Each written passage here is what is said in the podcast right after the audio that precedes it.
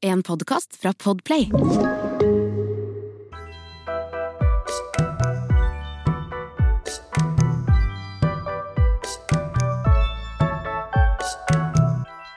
Jeg elsker god mat og drikke, og jeg har vært på vinsmaking i Sonoma, i Napa Valley, eh, Piemonte, men jeg har ikke lært en dritt. jeg husker i hvert fall ingenting. Og jeg må innrømme, det er nesten litt sånn flaut, siden jeg faktisk har vært programleder på Matkanalen, men det er sånn når en servitør kommer bort til bordet og skal presentere vinen, så tenker jeg kan ikke du bli ferdig, sånn at jeg kan begynne å drikke? jeg trenger åpenbart hjelp til å lære mer om vin, om vinsmaking, og dama som jeg har i studio nå Vet du hva, Det er tydelig at det er mange flere enn meg som trenger litt hjelp på det feltet her, for det forhåndssalget på boka di har vært helt spinnvilt. Velkommen i studio, Ingvild Tennefjord. Tusen takk. Og så vil jeg bare si, først og fremst, du er ikke aleine. Akkurat denne følelsen av at du har vært på en smaking, og så går du ut og så bare tenker sånn Oi, hva var det nå egentlig? Altså, det er så mange som synes det er kjempevanskelig å huske vinnavn, så du er ikke aleine. Det er så godt å høre. Og det som jeg syns er så kult, som vi skal snakke mer om òg, er jo hvordan du på en måte gjør vinsmaking tilgjengelig for sånne som meg, som er småbarnsmamma, har egentlig ikke tid. Og så har jeg lest boka di, og nå har jeg plotta inn for date nights med min kjære, for nå blir det vinsmaking hjemme hos oss, altså.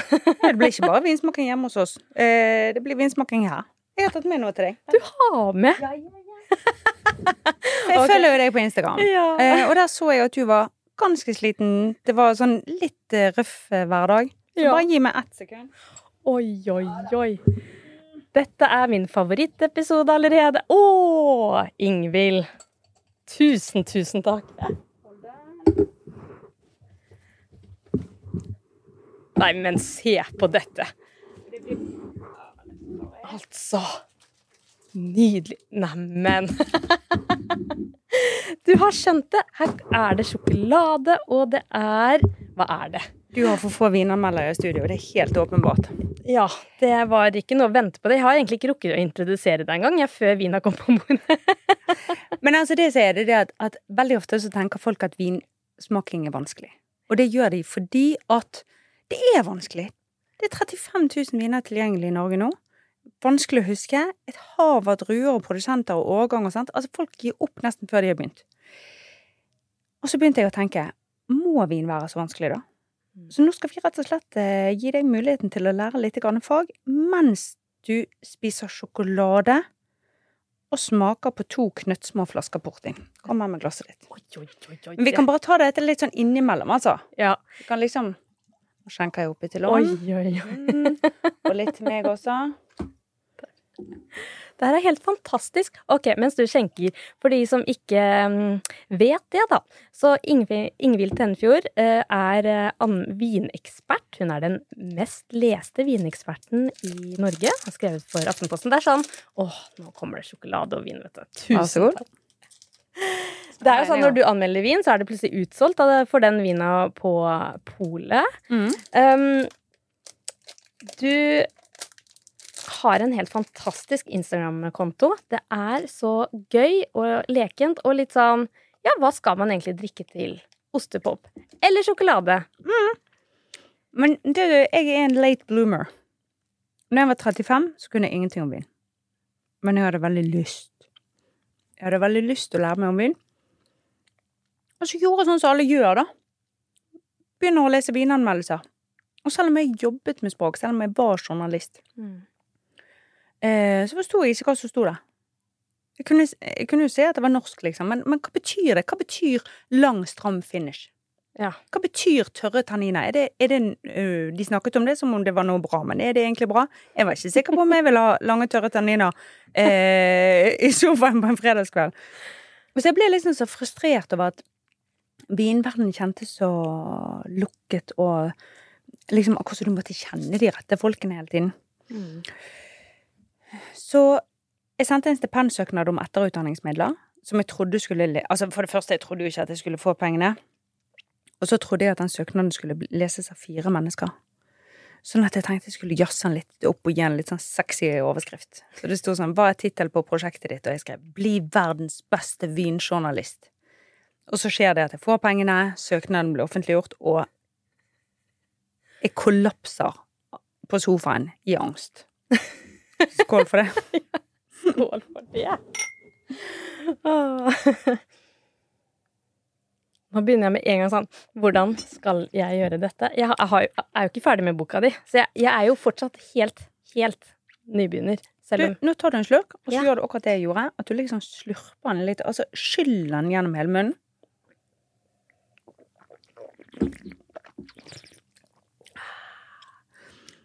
Altså nesten Samme for meg hvilken vin folk har i glasset. Men ta nå i hvert fall smak ordentlig på den vinen du har. Veldig mange de tar bare en sånn tynn skipaslurk.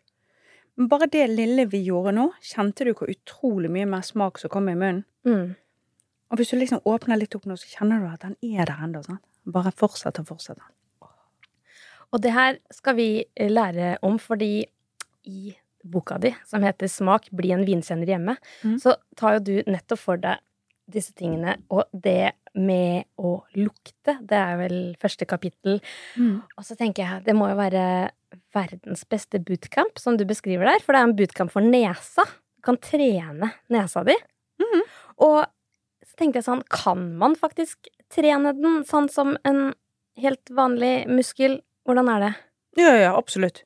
Altså, det er mange som går rundt og tror at jeg har en veldig god luktesans. Det har jeg ikke. Jeg har en helt middelmådig nese som jeg har trent. For det, når, det, når det gjelder vin, sant, så handler veldig mye om å bygge gjenkjennelse. Jeg tror mange eh, som hører på, de eh, stikker nesen ned i et glass rødvin, og så tenker de det lukter rødvin. det er bare en sånn malstrøm av duft, sant? Og du må gjerne fortsette med det. Men det gjør at det blir veldig vanskelig for deg å forklare hva du liker. Det blir vanskeligere for deg å gjenskape den gode smaksopplevelsen. Og jeg husker veldig godt sjøl at jeg liksom sto på Vinmonopolet, og så følte jeg meg som akkurat sånn som da jeg var på utveksling i Argentina. At, du prøver å uttrykke noe, men du uttrykker det som et barn. Sånn, Det bare står altså, Jeg hadde så lyst til å være velformulert og morsom og intelligent på et annet språk, og jeg klarte ikke det. Og den følelsen fikk jeg igjen med vin. For de sa sånn Ja, hva liker du, da? Eh, så begynte jeg liksom å tegne. Jeg liksom laget eurytmi på Vinmonopolet. Det var veldig vanskelig for meg. Sånn at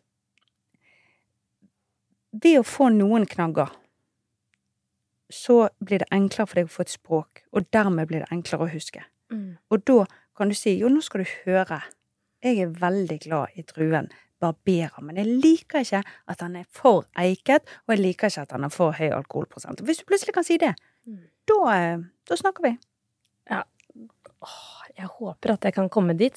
Det som eh, var med meg når jeg satt og le leste det kapittelet, så tenkte jeg sånn um, Jeg forbinder nesten det å ha god luktesans med talent. At du har et unikt talent som klarer å lukte det. For jeg var sånn Ok, jeg lukter kanskje ikke bare at det er vin, men jeg lukter at det er noe.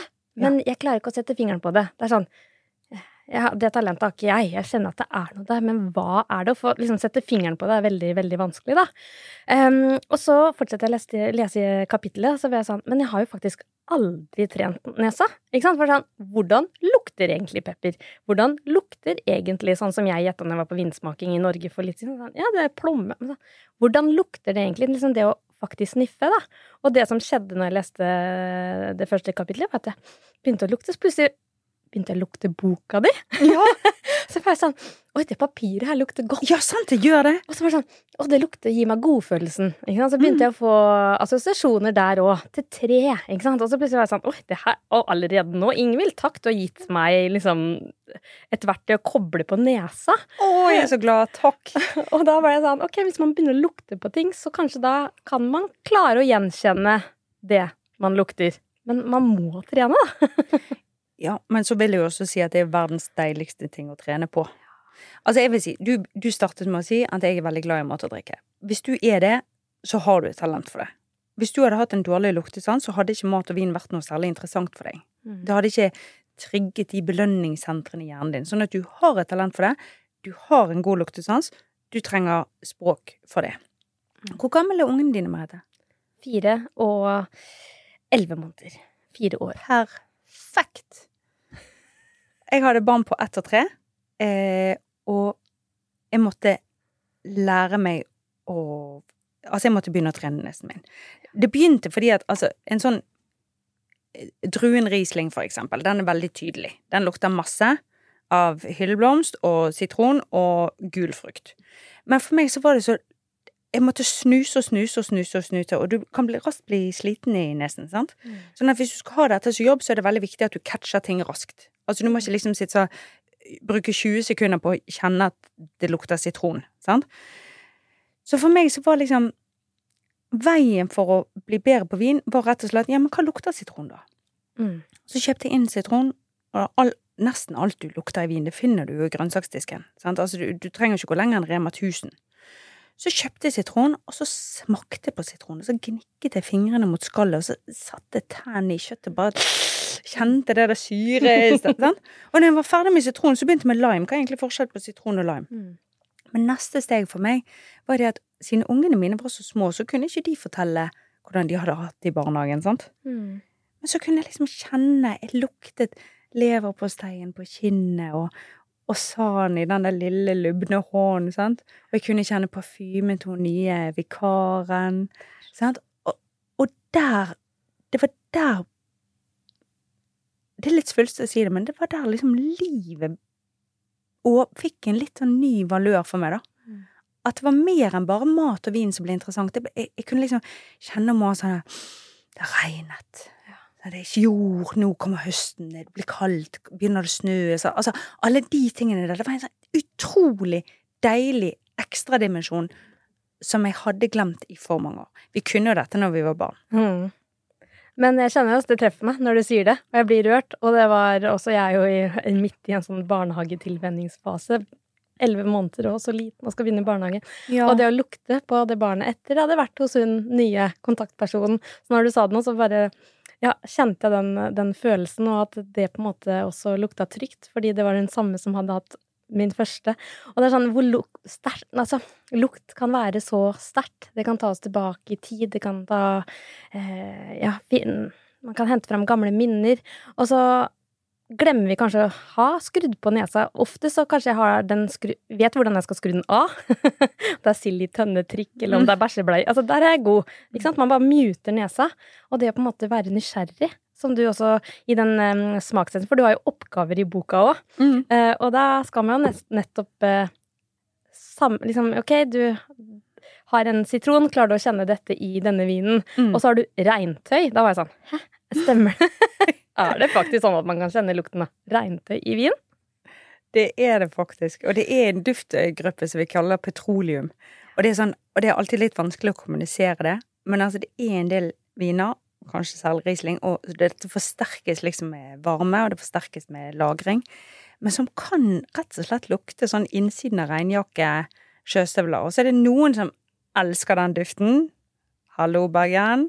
Og så er det noen som ikke liker han så mye, og, og som får helt sånn aversjon mot den. Så, så igjen, liksom, hvilke dufter vi foretrekker, det har jo store varianter. Viktigst for meg er på en måte ikke at, du, at man skal like det samme som meg, bare at man finner flere av de tingene man liker, og klarer å navngi det, sånn at du kan oppleve det oftere. Mm. For vet du hva? Vet du hva de fleste gjør? I Norge nå så har vi tilgang til mer enn 35 000 produkter. Det er, altså, det er et historisk stort utvalg. Det er et globalt stort utvalg.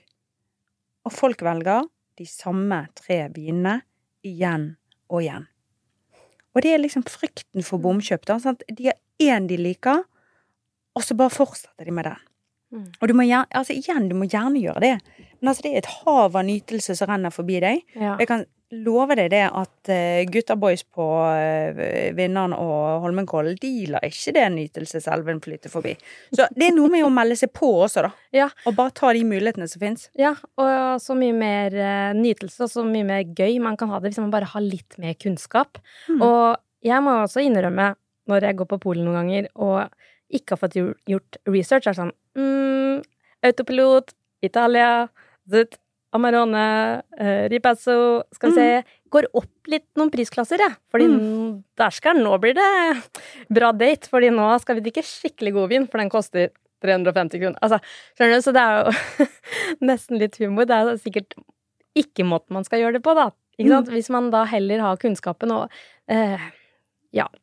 Hva er anledningen? Hva har jeg lyst til å drikke i dag? Um, og der er jo nettopp den boka di så genial, at man kan få noen verktøy her, da. Så man kan Ja, og så må det være enkelt, Ja. og det må være gøy. For det at em, tidligere så har jeg tenkt for tradisjonelt. Vanlig vinsmaking, det er sånn fem viner, det tar en og en halv time eller mer, og det er veldig sånn Men det er noe veldig unorsk med å åpne fem flasker vin til seg sjøl.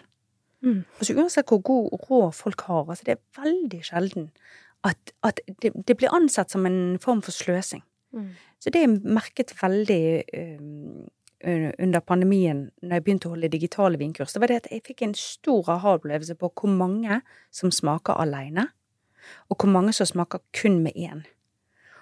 Og da må du kunne enten nedskalere flaskestørrelse, ha færre sant? Så, så jeg bare tenkte, hadde ikke det vært digg hvis de dagene du bare ikke klarer mer enn å kjøpe et brett sushi, balansere det på magen i sofakroken og sitte med to halvflasker hvitvin Hvis du kan lære noe da, Ja. eller de dagene du er enda mer sliten, når du bare er Netflix og chill, og så har du to viner til ostepop, og lærer hvorfor den ene funker, den andre ikke funker. Da snakker vi! Dette er min form for, for faglæring. For det at, altså, vi, vi kan godt perfeksjonere. Vi skal også ha de store vinsmakingene, men vi kan ikke bare basere oss på de, for dette blir det aldri noe av. Og så er det noe med det, nå går vi jo inn i en mørk høst, og eh, jeg hadde en innom her som gjest som var sånn eh, nummer én for å liksom tips for å eh, få en litt bedre høst, er å lære seg noe nytt. Liksom, For det gir den der, litt den mestringsfølelsen. Bare om du nettopp da finner ut at det er den vina jeg foretrekker til ostepop, lært noe nytt. Ikke sant? Den følelsen av progresjon, da. Men vet du hva? Mm. Jeg bare sitter og tenker at du har søren meg potensial, altså. Fordi du er også akkurat Ja, du må bare kose deg med portvin. Eh, du er også akkurat i den livsfasen der folk begynner å interessere seg for vin for alvor. Det altså Man har vært vant til å være mye ute på byen og sånne ting, sant? Og så kan du ikke det fordi det er barnevakt, alt mulig. Og i det liksom Du har to små kids, eller liksom omtrent der, da. Du ikke kan gå ut sånn som du gjorde før. Det er der du begynner å ha date nights hjemme. Og da legger man mer krefter i mat, og da plutselig begynner det å bli virkelig interessant med vin. Sånn, hva Mm. passer til denne? Mm. Men mat og vin i kombinasjon, det kan lett bli et veldig dyrt fag. Mm. Og folk, særlig i disse tider, de har ikke masse penger å sløse, så det er liksom igjen viktig at du treffer rett ganske fort. Mm. Og så er det jo det som jeg liker eh, veldig godt i boka at du har litt sånn alternativer òg. Hvis er sånn eh, At hvis du Det gjelder for eksempel glass òg, da. Ja, nei, du har ikke akkurat det. Nei, men se på tegningen, så finner du noe som er tilsvarende likt. Jeg bare elsker det her. At det er ikke sånn at man skal ha alle disse glassene, man skal gå til innkjøp av masse ting, ikke sant. Det er sånn, ta det du har. Har du ikke en sitron? Nei. Ok, lime er eh, en sitrusfrukt, så bruk det isteden. Så jeg elsker hvordan du legger opp til det, at det nettopp skal være lavterskel og enkelt å gjennomføre. Så jeg har troa nå på at jeg faktisk skal Vet du hva? Det, Mhm. altså, du, du har tre ting som virkelig, virkelig taler for deg. Jeg tror du har talent, eller jeg er ganske sikker på at du har talent. Eh, Du er liv, rett i livsfasen. Du har boken. Og en fjerde ting. Nå har du snart eh, hektet på eh, portvin. Har du smakt sammen med sjokoladen?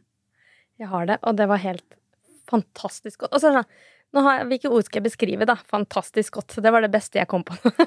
Men, men sånn som portvin, sant? det er jo liksom ansett som en sånn eh, gammel damedrikk. Veldig, veldig synd. Fordi at mange elsker rødvin, og så elsker de sjokolade.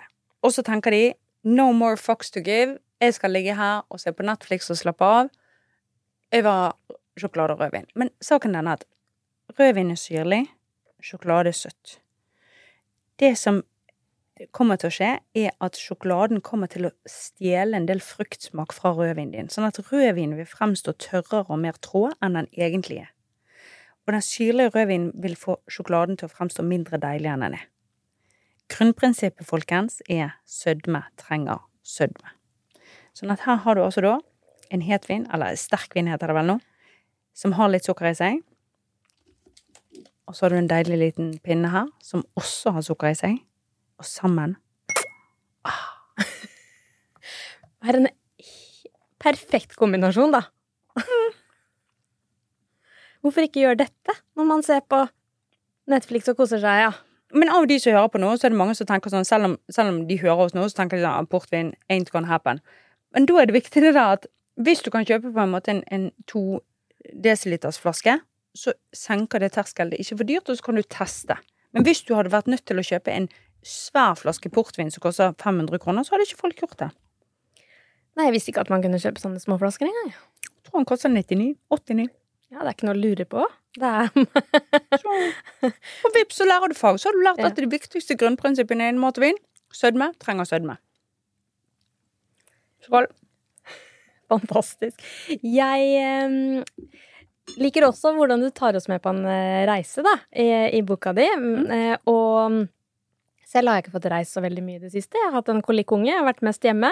Apropos eh, riktig tid å begynne å interessere seg for dette.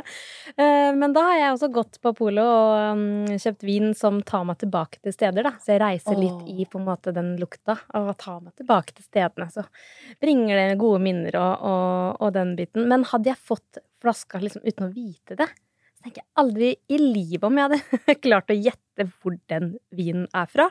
Men der mener du at også med litt øving Og ikke man særlig mye heller. Det er jo mange vindistrikter sant, som er, Ja. liksom har en sånn en vinbonde med sjøstøvler og en eh, hissig liten bikkje, eh, og som egentlig ikke er rigget for å ta imot besøk. Men i Nampa Valley så har de på en måte perfeksjonert gjestfrihet i system. mm. Eh, jeg har spist to av mitt livs beste måltider i Napa. Og jeg har vært på noen vinsmakinger som bare vært French laundry, kanskje? Den Så, så Ja. jeg, når du sa det, så tenkte jeg det var nice. Få høre ja, ja, og det var jo så øh, fantastisk at Andreas og jeg hadde først vært der og elska det, og så hadde broren til da min kjære gifta seg, så vi var sånn Bryllupsgave. Vi leier en limo, vi, som tar oss fra vingård til vingård. Sjekker dem inn på hotell. Vi blir selvfølgelig med, da, så det er vinn-vinn for alle. Dere får med oss også i denne bryllupsgaven. Vi bare spanderte en ø, vintur på de i Napa Valley, og vi kjørte da fra sted til sted. Jeg er så lei meg for at du ikke var i mitt bryllup. Jeg hadde elsket en sånn gave. det var litt sånn nesten salto ut av limoen på et tidspunkt der. Altså, det ble jo Men det var en, det var en episk tur. Det var så gøy. Og ja, nei, man, man øh, kjente jo det noen dager etterpå, men det, det hører liksom med, da. Det er ikke noe sånn spytting. Altså.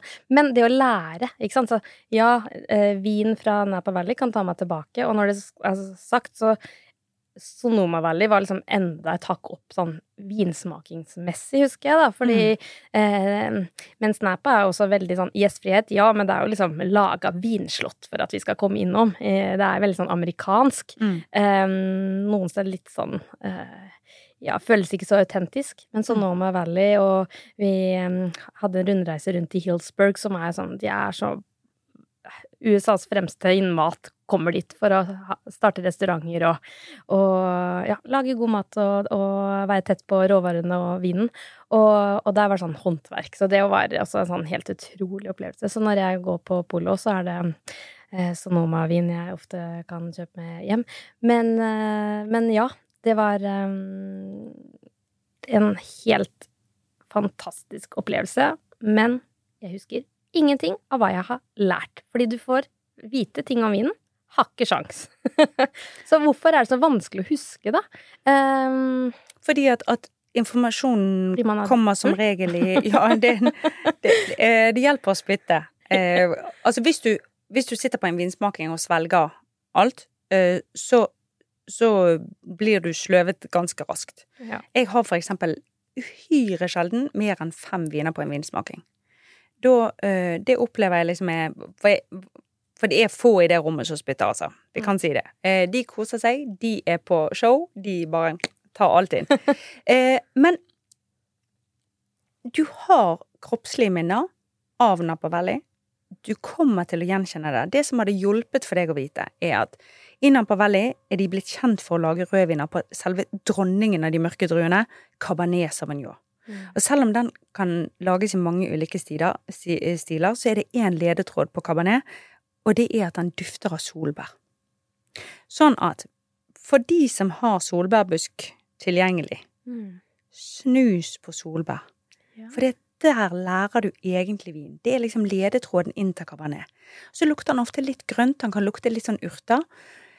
Eller nesten litt sånn solbærblad. Og så i USA, særlig i Napa, så er det ganske varmt. Sånn at du får denne fløyelsfølelsen. Sånn at den kroppslige erfaringen du har, den har noen ord på seg. Og du kommer til å gjenkjenne det når du har de knaggene. Men knaggen er solbær, urter, fløyel.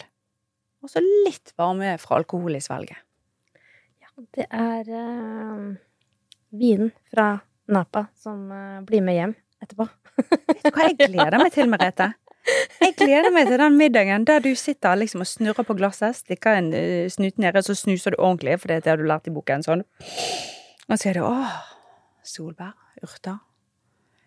Det skulle ikke være en kabanet fra Napa. Og så er det rett! Ja, Og alle blir dødsimponert! det hadde vært helt rått. Har ja, du ikke det? Ja. Nei, men det er inspirert nok til å på en måte virkelig gå inn for å lære meg det. Og som du sier, når du, når du gir meg de knaggene, ikke sant Mm.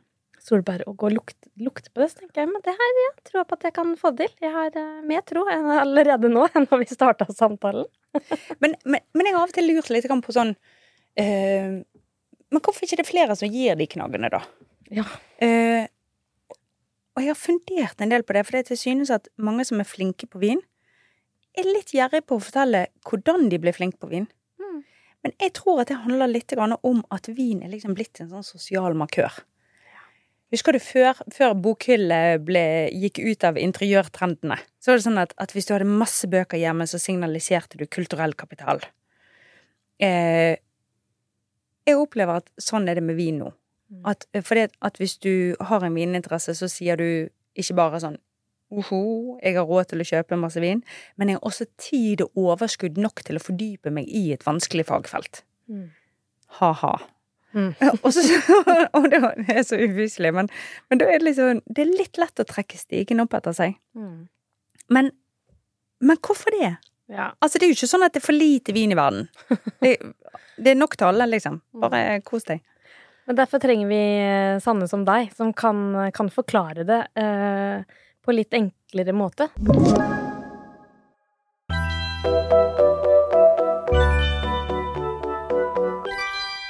Jeg var jo på vinsmaking eh, på Lerkekåsa vingård. Ja, Eh, det er jeg så det. overnatting i vintønne. Du har ikke vært vært så, der? jeg har ikke vært der, men det var så utrolig koselig. Jeg fikk Ja. veldig lyst da. Ja, anbefales. Det er jo um, norsk vin. da. Og Ja. du som slår et slag for engelsk vin òg, tenker sånn vått og kaldt, og er det mulig? Og så kommer man til en vingård i Norge, og så lager de norsk vin. Og det er ikke bare på druer, da. Det er forskjellig. Men der òg, vet du, skal jeg gjette. Og det var så vanskelig. Jeg gjetta plomme, jeg. Eh, Hver eneste smak. Det var ikke en plomme, igjen. eneste vin. Neida, men det som var litt gøy når jeg satt der, så um, sa jeg sånn Ja, nei, det er jo vanskelig det her, da, fordi man husker jo Hellstrøm, ikke sant, det episke klippet hvor han uh, gjetter uh, rødvin når han drikker hvitvin, og Mm. rosé. Uh, og da sa han, vet du hva, på hver eneste vinsmaking vi har her, så nevner noen det klippet med Hellstrøm, så det har satt seg, da. Og da har det skremt oss litt, eller? Det klippet der? Nei, vet du hva, det har ikke skremt folk på en plass. Vet du hva jeg tror? Det du ser der, det er skadefryd. Det er rett og slett Altså, for det, jeg tror jo at, at eh, mange synes at vinkjennere er noen ordentlige snobber, og eh, helt ærlig, det har vi brakt på oss selv. Det er vår egen skyld. Eh, men, men altså, Hellstrøm er beviselig en veldig presis og dyktig smaker. Så jeg har jo lurt oss veldig på hva var det som skjedde der. Jeg har lurt såpass mye at jeg har kontaktet produksjonsteamet to ganger for å vite hva for noen viner de skjenket. Det har ikke latt seg gjøre. Men eh, det der å smake noe uten å vite hva du har i glasset Grunnen til at folk gjør det sjelden, det er fordi at det er så utrolig ubehagelig. Du føler deg så teit, og du føler deg så usikker. Det er som å være på date med sin egen følelse av utilstrekkelighet. Det er helt grusomt. Men forrige uke så satt jeg altså da på, når, vi, når vi gjør eksamener, så er blindsmaking veldig viktig. Og ofte på smakinger så er det blindsmaking også. Men jeg merker jo det at jeg, jeg gjør det mindre og mindre. Mm. Fordi at Åh, det er ubehagelig, da. Men forrige uke så rett og slett hadde jeg en blindsmaking så, TikTok i alle sant? Og så åtte viner. Jeg klarer meg bra på seks av de. Bommer ganske stygt på den nest siste. Og den aller siste vinen Der bommer jeg så stygt at når jeg ser hva det er, så bare kjenner jeg skamrødmen i kinnene. Og min første instinkt var liksom bare sånn Å, det skal slettes, det skal ikke Men vet du hva? I sympati med Hellstrøm skal jeg søren meg legge det ut! og så skal jeg bare se, se hvor lett det er. Ja. Altså I boken min Smak så har jeg jo da et eget kapittel som heter Gjett prisen. Som er rett og slett sånn viner som er designet for å forvirre. Og så kan du prøve sjøl. Og det er en veldig, veldig Altså det det er nesten en selskapslek. Mm. Men uh, Ja, det, det, er veldig gøy. hørtes ut som noe jeg har lyst til å leke mm, på neste vennemiddag. Men vet du hva vi skal i gang med nå? Nå skal vi i gang med noe som eh, er min favorittøvelse her i verden. Mengdetrening. For det, det folk gjør, det er at de smaker én vin, og så prøver de å huske smaken av den til neste uke når de åpner en annen vin. Og så prøver de å sammenligne med fantomvinen de drakk forrige uke. Det er vanskelig. Det vi gjør nå, det er at nå smaker vi flere viner raskt etter hverandre. Det gir deg veldig mye mer sammenligningsgrunnlag. Så nå får du rett og slett importvin, men det er en annen stil. Den er ti år gammel. Så den du drakk, den var sånn blålilla, smakte masse bær og var ung. Mm. Her kommer en gamling. Med mengdetrening så tenkte jeg sånn Ikke drikke mer enn en og en halv flaske vin, for da går det gærent i dagen Ja, Det var ikke det. Nei, det var ikke det. Det viktigste er liksom det å smake flere, sant. Skål. Skål! Kan du kan kjenne at denne lukter veldig annerledes? Den første den smaker jo først og fremst av bær, men her liksom lukter det mange andre ting. Og du trenger ikke Altså, jeg, jeg- jeg vet at du syns det er vanskelig å sette navn på duft, sånn at du, du trenger ikke nå liksom bare å Jeg skal ikke øh, ta deg opp på muntlig, men er du med meg på at den lukter veldig annerledes? Ja.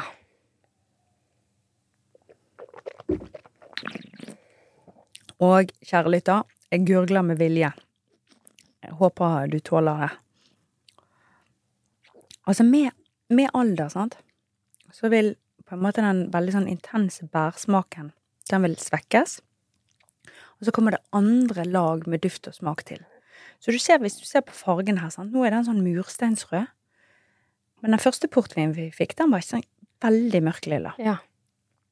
Og så denne, den lukter jo liksom litt sånn av skogbunn og treverk og knekk og karamell. Det er en veldig sånn Og her, her syns jeg det lukter luk- plommer. Ja, ja, men endelig. det, knekk, Ja, knekk. det lukter jeg, da. Ja. Vet du hva dette går til, Merete? Oh. Dette til pepperkake. Oh. nå kan jula komme. Det er bare, bare bring on Christmas. Dette til nøttekake, blåmuggost. Åh.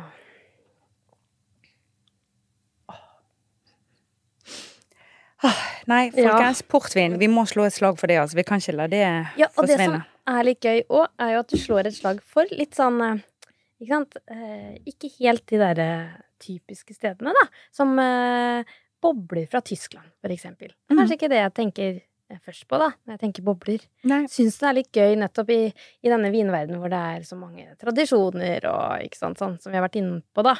Mm. Så komme oss og gjøre ting litt annerledes. Ja, det, det syns jeg. Men jeg må si at når jeg begynte med vin Dette var i 2012, og så begynte jeg å arbeide som vinanmelder i 2013. Da så vinverden radikalt annerledes ut i Norge. Da var det veldig få anmeldere. Eh, det var veldig få eh, gatekeep, altså portvoktere, liksom. Sånn at hvis du, hvis du ville inn i de rette smakenettverkene, så var det virkelig noen, en håndfull mennesker som var veldig nyttig å kjenne. Eh, og nesten alt var dominert av menn. Mm. Nå, 2023, er situasjonen helt sånn radikalt annerledes. Vi har seks Masters of Wine i Norge. Fire av de er kvinner. Eh, majoriteten av eh, produktsjefer på Vinmonopolet er kvinner. Eh, direktøren for hele Vinmonopolet er kvinne. Og det er kommet mange, mange flere stemmer til. Det er ikke lenger sånn at du må være en vinanmelder ansatt i en stor norsk avis. Eh, masse vinbloggere, Instagram-kontoer. Sånn at du, det du kan si, det er at hele feltet er blitt demokratisert. Mm. Og det er deilig. Sånn at jeg synes at det var vanskelig å få informasjon. Nå er det masse informasjon. Det at jeg har fått den størrelsen jeg har på Instagram, det er også en veldig ny opplevelse for meg. Så jeg, jo, jeg må jo lære meg masse nye ting, jeg òg. Ja, den Instagrammen din har jo bare tatt helt av. Jeg bare tenkte sånn, det er ikke lenge Altså, voff, det er bare hver gang. Skal jeg fortelle deg hemmeligheten? Fortell. Jeg er ansatt. Oh. Altså, jeg er sånn, jeg er redd for TikTok. Ja. Jeg synes at det er vanskelig. Så jeg eh, tenkte det at nå har min bedrift vokst såpass stor at eh, jeg trenger hjelp til noen ting. Jeg, har jo en, jeg betaler for en regnskapsfører. Så rett og slett hadde jeg en stillingsutlysning. Eh, hadde 13 stykker på intervju, og endte altså med Jeanette, som er fenomenal. Så fantastisk! Og 13 på intervju. Det har vært gøy å egentlig være der på de intervjuene. Ja, vet du hva, det var veldig gøy, for det, det, jeg merker det er jo det at, Ja. at det ikke alle som tenker egentlig at dette er et fag. Altså Du merker veldig forskjell på de som sier sånn her, Ja, nå har Instagram eh, nylig kommet med en oppdatering, og den algoritmen kommer ikke til å funke for det, blir bla. Og de der bare sier sånn Vet du hva, jeg er jo på telefonen hele tiden, jeg. Altså, jeg bare jeg, jeg ser på TikTok hele dagen. Hvor vanskelig kan det være, liksom? Så det er en forskjell, da. Men. Jeanette, hun eh, Hun har Altså, hun bare gjør alle de tingene jeg synes er vanskelig. Mm. Og jeg elsker jo å lage innhold og formidle og ha masse ideer, men hun liksom Å, dette er så flaut, altså. OK, greit, nå, nå åh. Kom med det. Jeg klarer ikke å tekste min egen reel. Så ræva dårlig. Takk til Jeanette som Takk- hjelper takk å få deg på, for det er helt nydelig innhold. Og da har jo du tid til å gjøre, gjøre deg, da, og dele disse tipsene, så kan Jeanette tekste, da, vet du. Rett Og, slett. ja, ja. Men Så, det, det, så hun er Jeanette, altså, er bare ja. Never gonna let you go. Fantastisk. Du, litt sånn på tampen her, jeg lurer på, er det noen vinblemmer vi nordmenn oftest eh, gjør? Én, eh, tro at du ikke kan. ja. Eh, hvis du ikke har tro, mestringstro, så forsøker du ikke engang.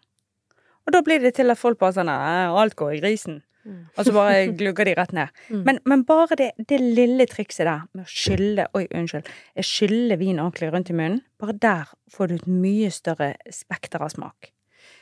Feil nummer to velge de samme tre vinene igjen og igjen. Mhm. Men, men neste gang du er på polet, så sier du denne, denne vinen pleier jeg å kjøpe alltid. Nå sier Ingvild Tenfjord at det er på tide at jeg går videre.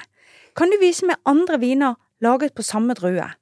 Eller samme en lignende vin i en annen pris, enten opp eller ned. Vips, så er du i gang. Mm. Ehm, og sist, men ikke minst, det der å snuse ordentlig. Mm. Altså folk liksom eh, De snuser ikke på vin i det hele tatt, men du ser det liksom Ved å snurre litt på glasset, så skrur du opp volumet på, eh, på duften, liksom. Og så snus ordentlig. Så hele nesen er i glasset. Så. Det er et ordentlig snus. Åh, du, du lukt på portvin nå. Nå er han gått. Snus ordentlig. Skyld. Åh, Åh. jeg sa du hadde talent! Jeg sa det! Altså, vet du hva? Er vi tilbake igjen om et år? Da har du funnet deg nye områder. Da sier du sånn Vet du hva, Ingvild? Jeg har oppdaget Libanon, jeg. Det er kjempespennende vinland. Og så er du i gang. Så gøy. Og jeg blir inspirert både portvin Jeg blir inspirert til å Ja, du vet, når man tenker høst, så tenker man automatisk liksom rødvin. Men Mm. hvorfor ikke da også eh, gå for bobler? Nå er kanskje akkurat det man trenger. Og til ostepop. Elsker at du har sånn. Og så har du jo også i boka di hvordan finne drømmevinen til sushi og pizza. Ja, sanne ting.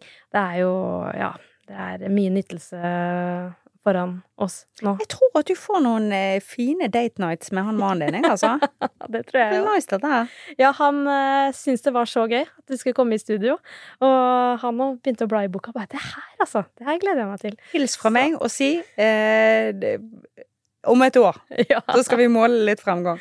Så skal jeg sende deg noen uh, snaps fra meg som uh, lukter på regntøyet til dattera mi, og skal kjenne det i vinen. Ja, det gleder jeg meg til. Det blir gøy. Og det er jo nettopp det. Eh, takk til deg for eh, å snobbe ned vin og gjøre det gøy. Ja, men vet du hva?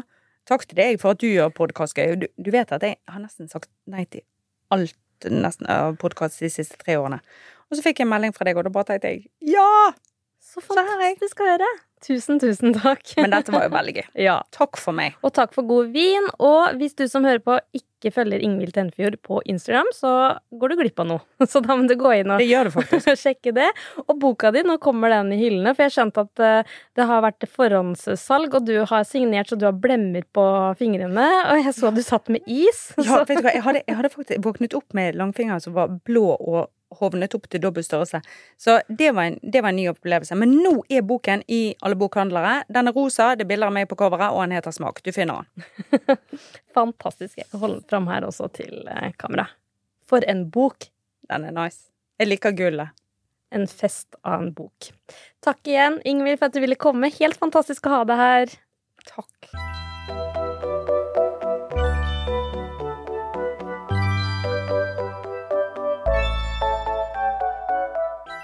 Du har hørt en podkast fra Podplay. En enklere måte å høre podkast på. Last ned appen Podplay, eller se podplay.no.